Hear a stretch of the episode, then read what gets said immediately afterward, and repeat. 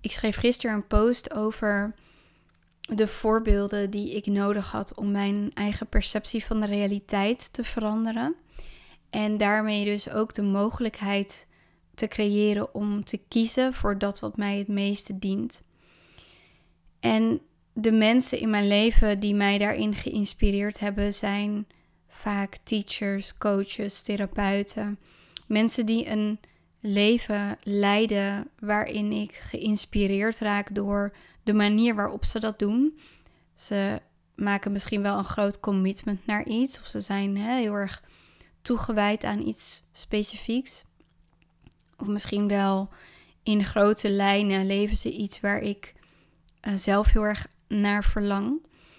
En door deze mensen te ontmoeten, maar ook door in uh, hun bubbel te zijn, in hun energie te zijn, om, word je beïnvloed door, um, of tenminste kun je meekrijgen van die realiteit. En vorig jaar had ik nog niet het idee dat dat wat ik nu leef mogelijk was voor mij. En twee jaar geleden had ik niet voor mogelijk gehouden dat dat wat ik een jaar geleden leefde mogelijk was voor mij. En zo verschuift constant mijn perceptie van de realiteit. En dat zie ik ook heel erg bij mijn cliënten gebeuren. En dat is ook een heel groot deel van het werk wat we doen. Zij worden geïnspireerd door hoe ik mijn leven leid, maar ook door de coaching die ik met ze doe, help ik ze onderzoeken wat hun pad is en wat hun dient en wat hun waarheid is en wat hun, hoe, zij naar, hoe zij hun realiteit willen creëren. Uh, maar ook hoe zij nog steeds over dingen denken. Of nee, laat ik het anders zeggen. Hoe hun gedachtenpatroon nog steeds in de weg staat als het gaat om hun verlangen. Dus ze komen binnen bij mij met verlangens. En um, heel vaak is het in het begin dat ze zeggen: Ik wil meer klanten, ik wil meer omzet draaien. Of ik wil meer vervulling. Maar als we verder de tijd ingaan, dan um, is het altijd zoveel complexer, zoveel meer complex dan dat. Er zitten zoveel meer facetten aan hun verlangen dan um, dat wat we in eerste instantie bespreken. En dat is ook heel normaal. En ik zie ook vaak gedurende zo'n jaar dat de verlangens um, shiften. Hè? Dus daar waar ze mee binnenkwamen, uh, is niet misschien hetzelfde verlangen waarmee ze weggaan. Wat heel natuurlijk is in mijn perceptie. En mijn doel in mijn mentorship is niet zozeer dat mijn cliënten mijn waarheid aannemen, maar wel dat mijn cliënten echt onderzoeken voor zichzelf wat hun waarheid is. En dat ze dus ook echt durven te kiezen voor hun eigen waarheid en voor de waarheid die hun dient. Ook als dat betekent dat dat niet de waarheid is van hun, hun omgeving of van hun familiesysteem of van um, mede-ondernemers of mensen uit hun vakgebied. Want waar het om gaat is dat jij doet wat jou dient en dat jij het leven leidt wat jou die vervulling geeft. En dat wat mij vervulling geeft, is hoogstwaarschijnlijk niet zozeer wat jouw vervulling geeft. Ik bedoel, mijn leven is redelijk saai. Ik kan me ook voorstellen dat heel veel mensen daar totaal niet naar verlangen. Ik heb een redelijk simpel leven, vind ik zelf. Dat is ook weer allemaal perceptie natuurlijk. Maar ja, ik vind het gewoon heerlijk om s ochtends op te staan, mijn jongste naar school te brengen, even in de tuin te werken. Um, misschien schrijf ik wat content, ik kook, ik doe wat calls tussendoor. En ja, dat is gewoon een beetje het leven. Ik heb wat uh, mooie gesprekken met mijn partner, ik wandel. Um, ja, dat is een beetje mijn leven. En misschien is dat helemaal niet hoe jij je leven voor je ziet. Maar er, er, weet je wat het is? De klanten die bij mij komen, die komen niet zozeer bij mij omdat ze zo'n dagritme willen of dat ze um, verlangen naar dezelfde omzetmaanden als ik, maar veel meer voor het grotere plaatje, namelijk het leven en het ten volste leven van hun eigen verlangen. En daarin zichzelf alles mogen toestaan waar ze naar verlangen. Dat is wat ze vaak bij mij zien. Eh, maar wat ik ook vaak terugkrijg is dat ze in mij zien dat ik iemand ben die het vertrouwen heeft om dat dus ook daadwerkelijk te doen. En de moed heeft om dat dus ook daadwerkelijk te doen. En kijk, ik kan anderen niet helpen om moedig te zijn. Ik kan hoogstens zelfmoedig zijn en mensen daarmee inspireren. Net zo goed als mijn teachers, leraren en coaches mij hebben geïnspireerd door de persoon die zij zijn en hoe zij hun leven leiden. En daardoor heb ik dus ontdekt dat het mogelijk is om veel meer geld te verdienen ehm, in veel minder tijd dan dat ik ooit had kunnen denken. Dat het mogelijk is om ook na lange jaren een relatie te hebben, nog steeds de liefde zo bruisend en um, spetterend te ervaren als uh, in de eerste jaren. Dat je een moeder kan zijn en tegelijkertijd ondernemer. Dat je liefdevol en zacht kan zijn en tegelijkertijd ook heel duidelijk en daarmee ook um, alle ruimte neemt om voor jezelf te begrenzen en zakelijk mag en kan zijn.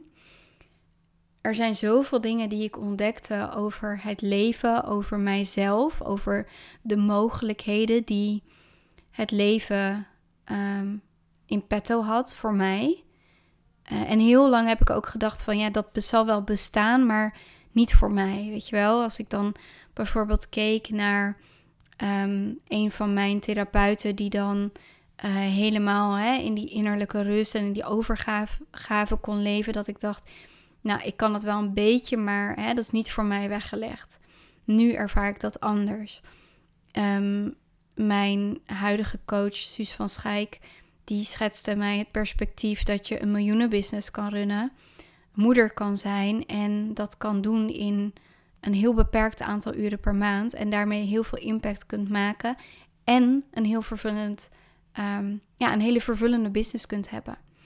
Nou, al die dingen, ja, daar was wel een deel van mij wat dat geloofde, maar pas nu begin ik te ondervinden hoe het dus echt kan zijn. Ik heb coaches gehad die mij hebben laten zien hoe je uh, kunt kiezen voor zelfexpressie, hoe je je stem kunt laten horen, hoe je je kunt openen. Ik heb um, teachers gehad die mij leerden om opnieuw mijn kwetsbaarheid te tonen, om mijn uh, zachtheid te tonen. Ik heb teachers gehad die mij opnieuw leerden leunen en om hulp uh, ja, eh, teachte mij hoe ik weer opnieuw om hulp kon vragen. Uh, of hoe ik opnieuw de speelsheid in mezelf kon ontdekken. Um, ik heb heel veel nieuwe facetten geleerd uh, in heel veel verschillende domeinen van het leven. In de liefde, op het gebied van seksualiteit, op het gebied van gezondheid, op het gebied van business, op het gebied van ouderschap, op het gebied van zoveel dingen. En dat is voor mij heel erg verrijkend geweest, want door al die verschillende perspectieven en realiteiten heb ik daaruit kunnen halen voor mij wat kloppend was. En dat is nog steeds een proces waar ik keer op keer doorheen ga. Um, het ontdekken vanuit openheid en nieuwsgierigheid van mijn waarheid en van mijn eigen perceptie van die waarheid. Want er zijn nog steeds momenten dat ik beperkende overtuigingen heb over dingen. En door open en nieuwsgierig te onderzoeken, stel ik mezelf heel vaak de vraag van oké, is dat wat ik denk wel waar? En dat gaat echt over de meest kleine dingen. Ik bedoel, ehm, een mooi voorbeeld. Ik ga 16 januari een event uh, organiseren opnieuw. En mijn overtuiging was, nou, ik zal blij zijn als ik dan 40 man, uh, hè, als ik dan 40 tickets kan verkopen en dat ik dan een zaal kan vullen met 40 mensen. En um, een aantal maanden terug dacht ik ineens, nou, dat is eigenlijk best wel veel. Ik weet niet of ik dat wel kan, of ik dat wel kan dragen, of ik wel voor zo'n grote groep kan staan, of ik wel een geschikt programma kan maken, bla bla bla bla bla. Al die dingen die ik dan bedenk, die ik dan misschien wel of niet kan. En het enige wat het van me vraagt is een open houding. Dus opnieuw te onderzoeken van, oké, is dat waar wat ik denk? En kan ik dus ook zien dat misschien wel een andere realiteit waar kan zijn. Hè? Dus dat ik bijvoorbeeld wel 100 mensen daar kwijt zou kunnen. Dat ik misschien wel een programma zou kunnen bedenken voor 100 mensen. Ehm, of misschien zelfs wel voor duizend mensen. Of misschien maar voor twee mensen. Weet je wel? En die flexibiliteit van denken, daar ligt heel veel kracht. Want het gaat dus niet om, is twee mensen beter dan 100 mensen? Het gaat om, wat geloof ik nog wat mij dus niet dient? Want het dient mij niet om beperkt te zijn in het denken dat ik maar twee mensen kan uh, uh, begeleiden op zo'n dag. Het helpt me ook niet om te denken dat het per se 100 mensen moeten zijn. Hè? Dus ik hoop dat je een beetje die nuance voelt van het gaat niet om um, de uitkomst, het gaat om, het om de flexibiliteit van die gedachten. Want als die flexibiliteit er niet is, dan ontstaat er heel erg een verkramping. En dan wordt, worden dus ook de mogelijkheden steeds beperkter. En wat ik wel interessant vond om te ontdekken is toen ik dus de pre-sale opende voor de tickets. Toen verkocht ik, nou ja, binnen 20 uur verkocht ik uh, eh, 24 tickets. Um, dat is dus al meer dan de helft van de mensen die ik daar um, kwijt zou willen op die, op die dag. En we hebben nog, um, even kijken hoor, zeker vier maanden te gaan, vijf maanden te gaan uh, voor de datum. Dus op dat moment was er ook weer zo'n moment dat ik me besefte: oké, wat nou als ik ook die gedachte weer los mag laten dat het 40 mensen moeten zijn? Wat als het er meer mogen zijn? Dus eh, het maakt niet zozeer uit wat de uitkomst is, maar kan ik het toestaan dat dat ook zo zou kunnen zijn? En uiteindelijk is het altijd aan mij om te beslissen wat ik wil en waar ik naar verlang en of ik daarvoor kies en of ik daar mijn energie naartoe wil laten gaan.